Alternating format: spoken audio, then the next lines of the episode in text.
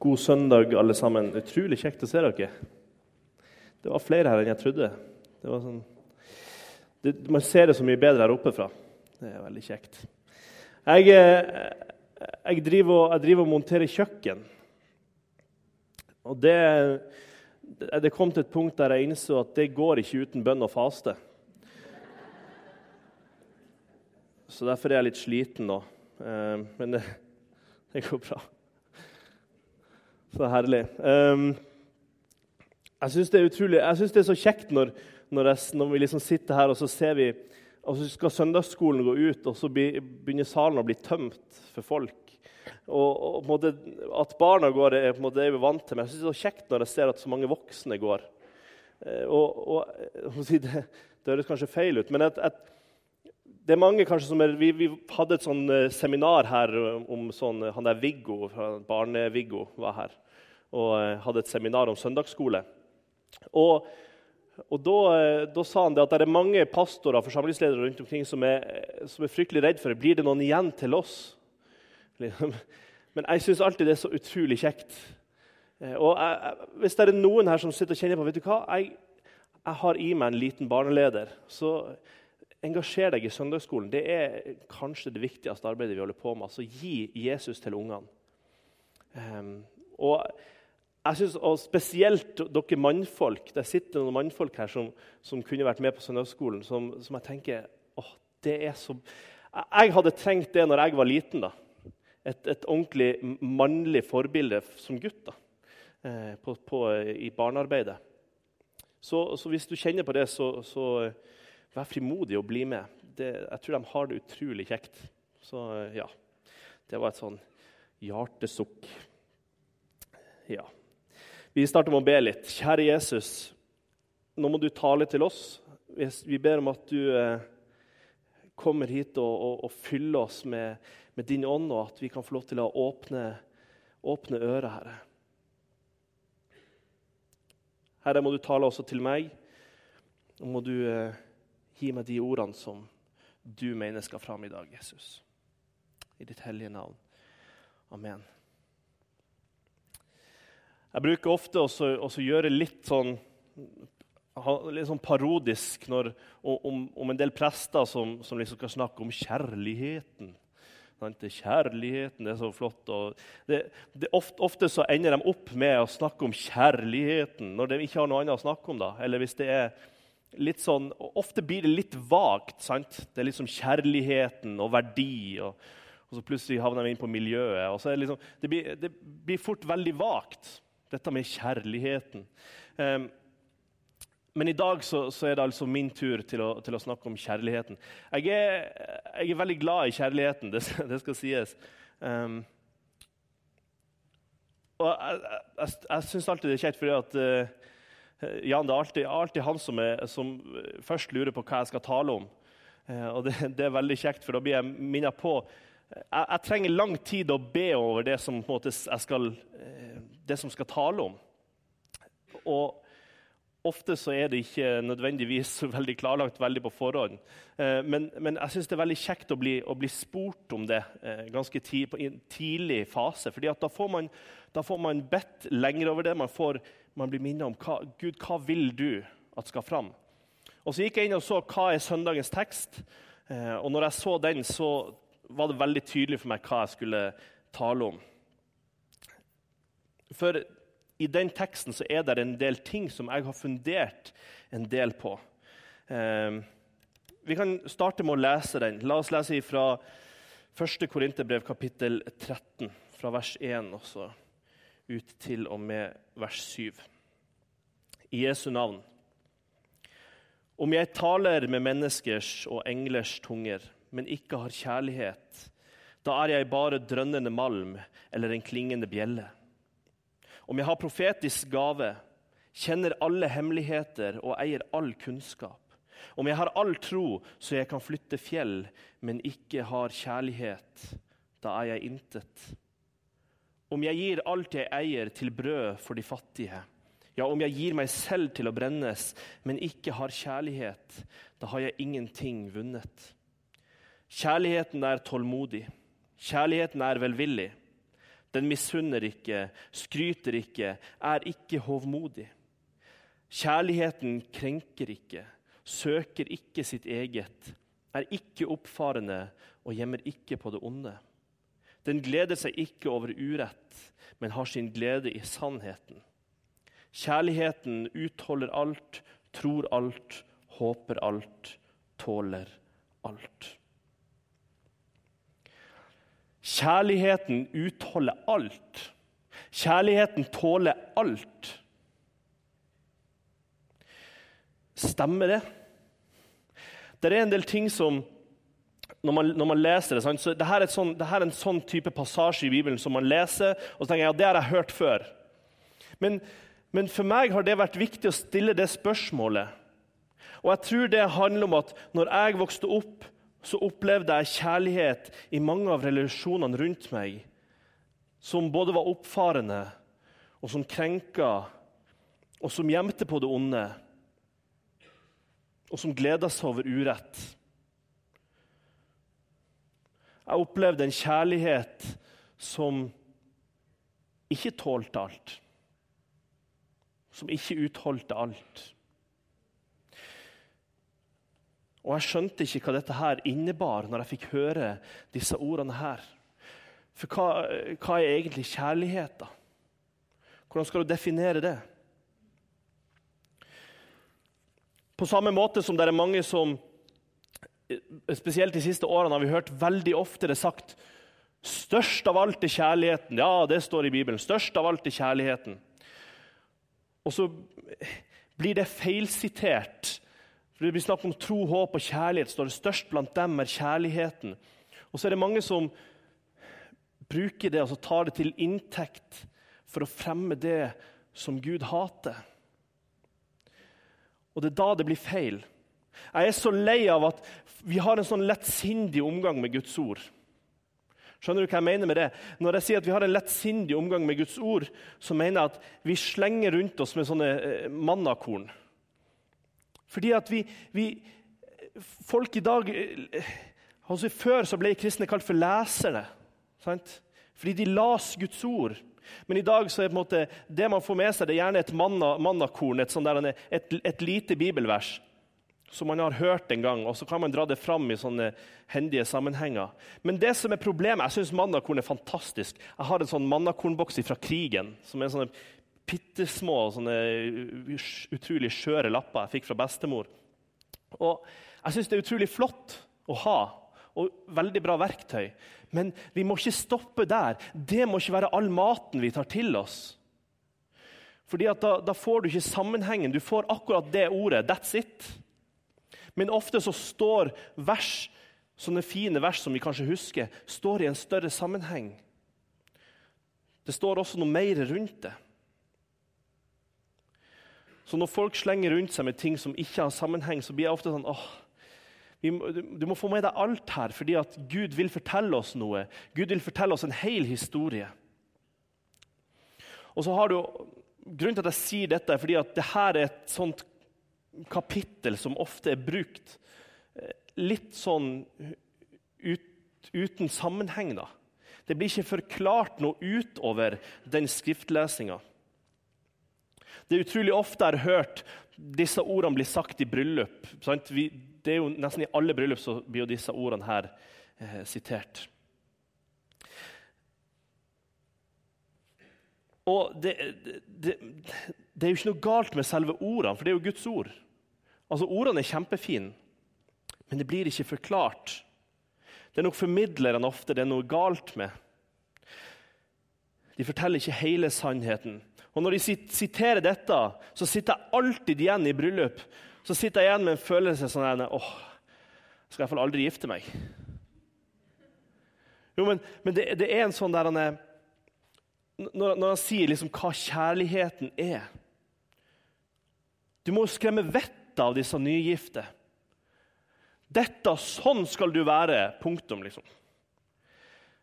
Du skal tåle alt. Kjærligheten din tåler alt. Kjærligheten din er sånn og sånn og sånn. og sånn. Jeg hadde blitt livredd. De ramser opp det som av Gud blir beskrevet som idealkjærlighet. Altså som, Sånn som kjærligheten i utgangspunktet, den rene kjærligheten, skal være. Men det der er jo noe jeg aldri, aldri, aldri klarer å leve opp til, alle de tingene der.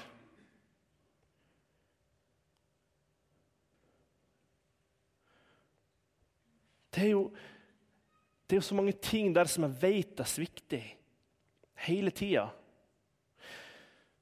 Snakk om å bli motløs. Det var litt som når jeg fikk denne arbeidsbeskrivelsen for stillinga her. Jeg husker, det var sånn jeg begynte å lese en så ut som noen hadde skrevet doktorgrad om uh, stillinga. Og jeg kjente med en gang på at åh, dette, dette her vet ikke om jeg orker.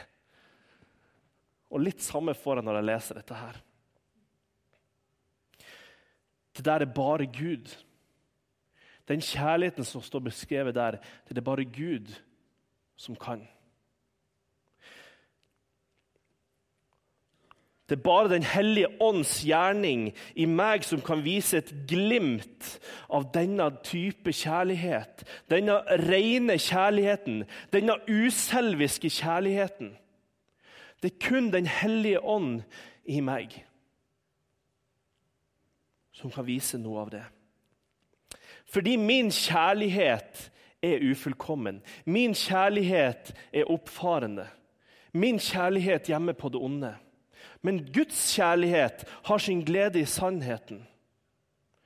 Guds kjærlighet tåler alt, utholder alt. Det er vår natur, fordi vi så, vi er, vi og Gud jeg vet ikke om du vet det, men vi og Gud er forskjellige. Vår virkelighet er, så annerledes. Altså Guds tanker er så mye høyere enn våre tanker. Det er liksom det stikk motsatte. Det står er vi troløse, så er han trofast. Fordi vi er troløse, men han er trofast. Om vi er ukjærlige, så er Gud kjærlig. Men jeg vokste opp og trodde at kjærligheten skulle tåle alt. Og at kjærligheten mellom oss mennesker var sånn alltid. Men skuffelsen var stor når jeg møtte realiteten som viste at kjærligheten mellom oss tåler ikke alt. Ikke vår kjærlighet. Jeg er så imponert over dere som har vært gift lenge. Hvor mange her har vært gift i mer enn 30 år? Det er fantastisk. Gratulerer. Ja, det, altså det er jo eh, i, da, I dag så er jo det en bragd. Det er jo eh, det er liksom forventa at ja, vi, vi, vi, gifter oss, og så, og så, ser vi litt hvordan det går. Ja, Vi får se. Vi gir, det, vi gir det fem år, vi gir det ti år, så ser vi.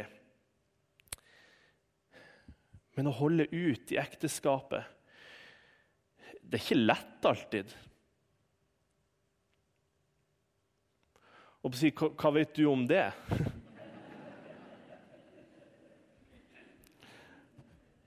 Jo, jeg vet det fordi at jeg har, jeg har levd ikke i et ekteskap, men jeg har levd med folk som har vært i et ekteskap. Jeg har sett hva et ekteskap kan gjøre med mennesker. Jeg har sett det på det gode, men jeg har også sett det på det onde. Jeg har sett de onde dagene. Jeg vet hva det vil si.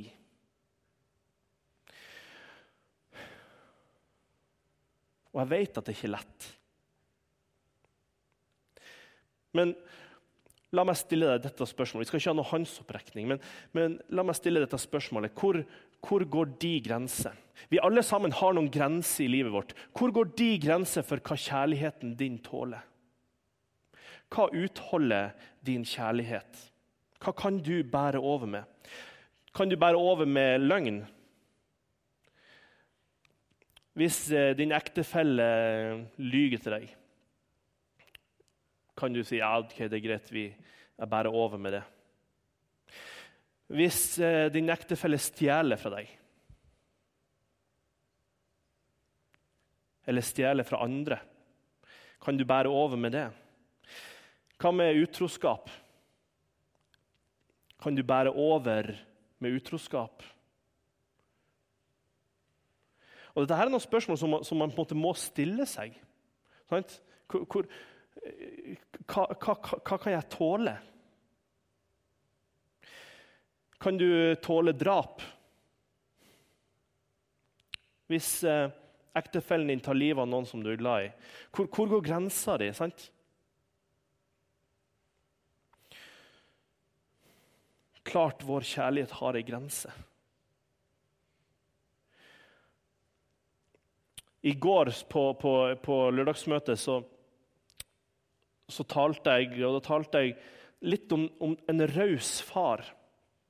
Vi, jeg har jo snakka mye i, i, Betlehem, og kanskje spesielt i Betlehem Ung, om det å, måte, det å ha Gud som far.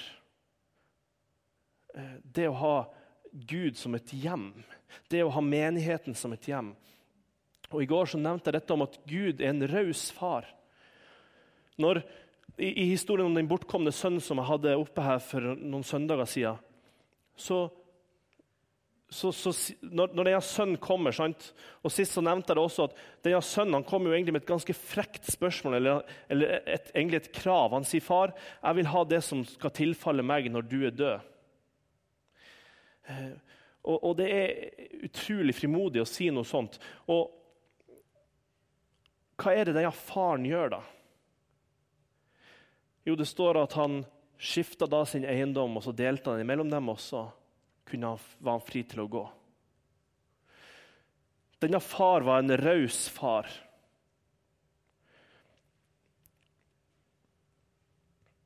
En far som Det står at han lar, Gud lar det regne over gode og onde. Han lar solen skinne på rettferdige og urettferdige.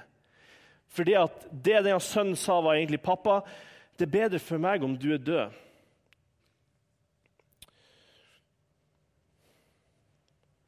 Og Så er det det som verden sier også. Han sier at det er bedre for meg om Gud er død. Det er bedre for meg om jeg kan bare leve som jeg vil. Leve et vilt liv. Gud er bedre om du er død. Og Så får de allikevel nyte mange av godene. De får nyte Guds skaperverk. De får borte seg Guds skaperverk. Men de sier det er bedre om Gud er død.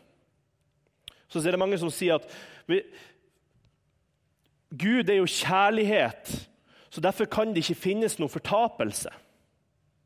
Men det er motsatt, fordi pga. at Gud er kjærlighet, så må der finnes en fortapelse. Skjønner du hva jeg mener? Sier Gud er kjærlighet, så må det finnes en fortapelse. Og med det mener jeg at fordi Gud er kjærlighet, så er det også frihet i det. Sant? Du er fri til å velge bort Gud.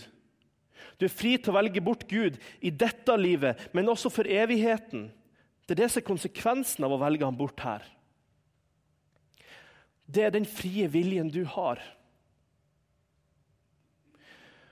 Og Tenk hvordan det skulle vært da hvis Gud var en sånn tyrann som, som tvang deg til å være hos han. Som sier at nei, jeg skaper deg, men, men du er nødt til å elske meg. Du er nødt til å være hos meg.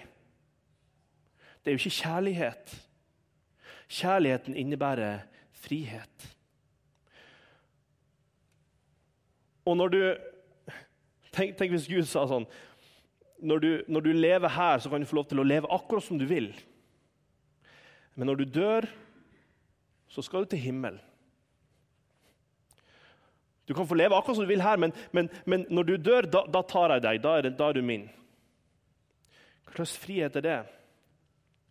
Nei, Guds kjærlighet innebærer at du kan velge ham bort.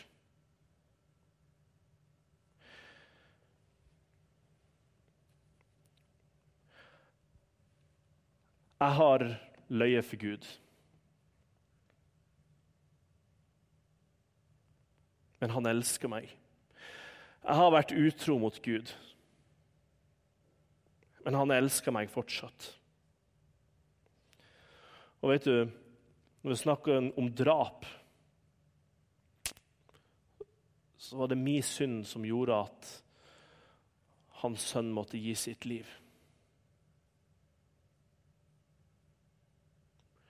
Og Allikevel så sier han det er på grunn av dette at jeg gjør alt dette. Det er på grunn av dette at jeg dør. Det er fordi jeg elsker deg. Skjønner du at den kjærligheten er så utrolig mye større enn det vi klarer å fatte. Jeg har gjort alt galt mot Gud, jeg har stått med ryggen mot Gud, og allikevel så står han med åpne armer og så sier han, 'Kom'. Som vi synger i sangen, du får komme til Jesus når gale det gikk. Du får komme for tusende gang.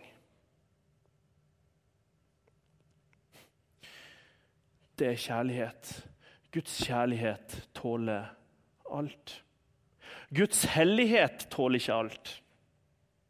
Fordi Guds hellighet sier at alle de tingene jeg har gjort, det gjør at jeg fortjener evig fortapelse. Det sier at jeg fortjener dommen. Jeg fortjener døden. Men Guds kjærlighet tåler alt. Det er ingenting du har gjort i livet ditt som diskvalifiserer deg fra Guds kjærlighet. Ingenting. Er, du kan ikke komme til det punktet og si at å, men jeg har, jeg har tatt livet av noen, jeg har, jeg har stjålet, jeg har vært en skikkelig, et udugelig menneske. Men Gud står alltid der og sier 'velkommen hjem'. Det er hans kjærlighet som tåler alt. Og tenk hvor mye hans kjærlighet må ha utholdt. Han har stått der og sier at 'Hallo, jeg er her. Jeg bryr meg om deg. Jeg vil ha deg. Jeg elsker deg.' Se her, jeg gir den ultimate gaven for deg. Jeg gir min eneste sønn i døden for deg. Hallo, ser du meg?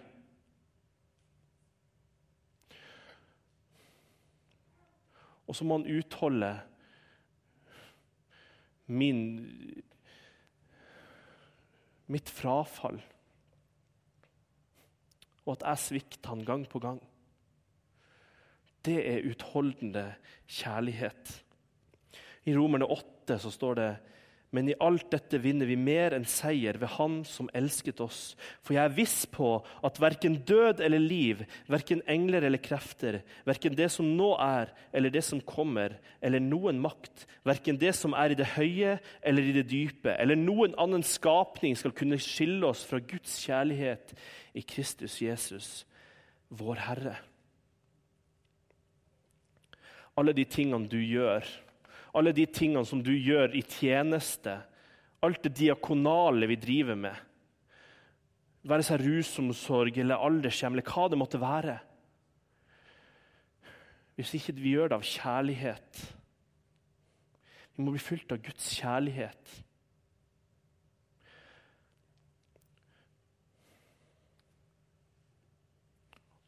Tenk om vi kunne, tenk om vi kunne elske hverandre med en overnaturlig kjærlighet. Om vi kunne be om at Gud fyller oss med den kjærligheten. Det er det som er altså, Guds menighet er jordens største under. Her er vi så mange utrolig forskjellige mennesker samla på ett sted. Og så består Guds menighet. Det er Guds kjærlighet som må fylle oss. Og så må vi kunne gå ut å elske noen som ikke fortjener å bli elska. For det har ikke du heller fortjent. Vi elsker fordi Vi elsker fordi Takk. Vi elsker fordi han elsker oss først. Hvis ikke han hadde vist oss hva kjærlighet var, så kunne vi aldri elska. Han måtte vise oss det.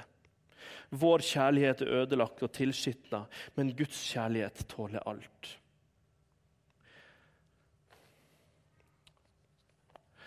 Jeg, eh,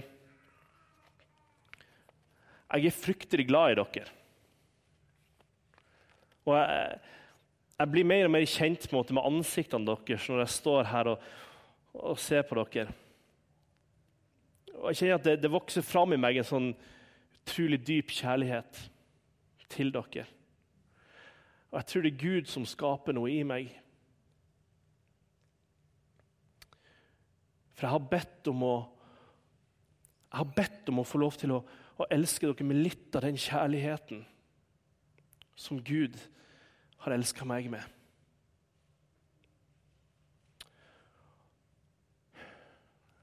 Jeg fikk nettopp være på besøk eh, hos en eldre mann.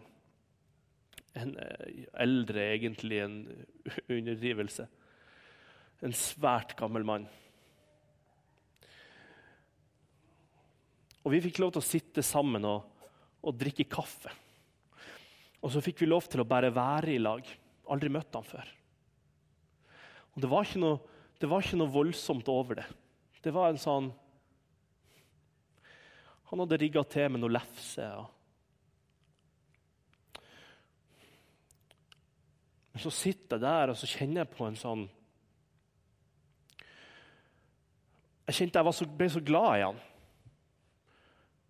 Selv om de, den samtalen vi hadde, var noe ja, avbrutt og litt stykkete.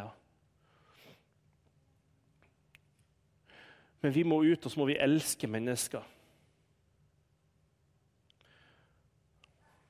Sånn som han har elska oss. Sånn som han har elska oss. Og det er mange her som det er nok mange her som, som kanskje ikke har et godt bilde av far. Men denne far, som har elska oss først, han har elska deg med en evig kjærlighet.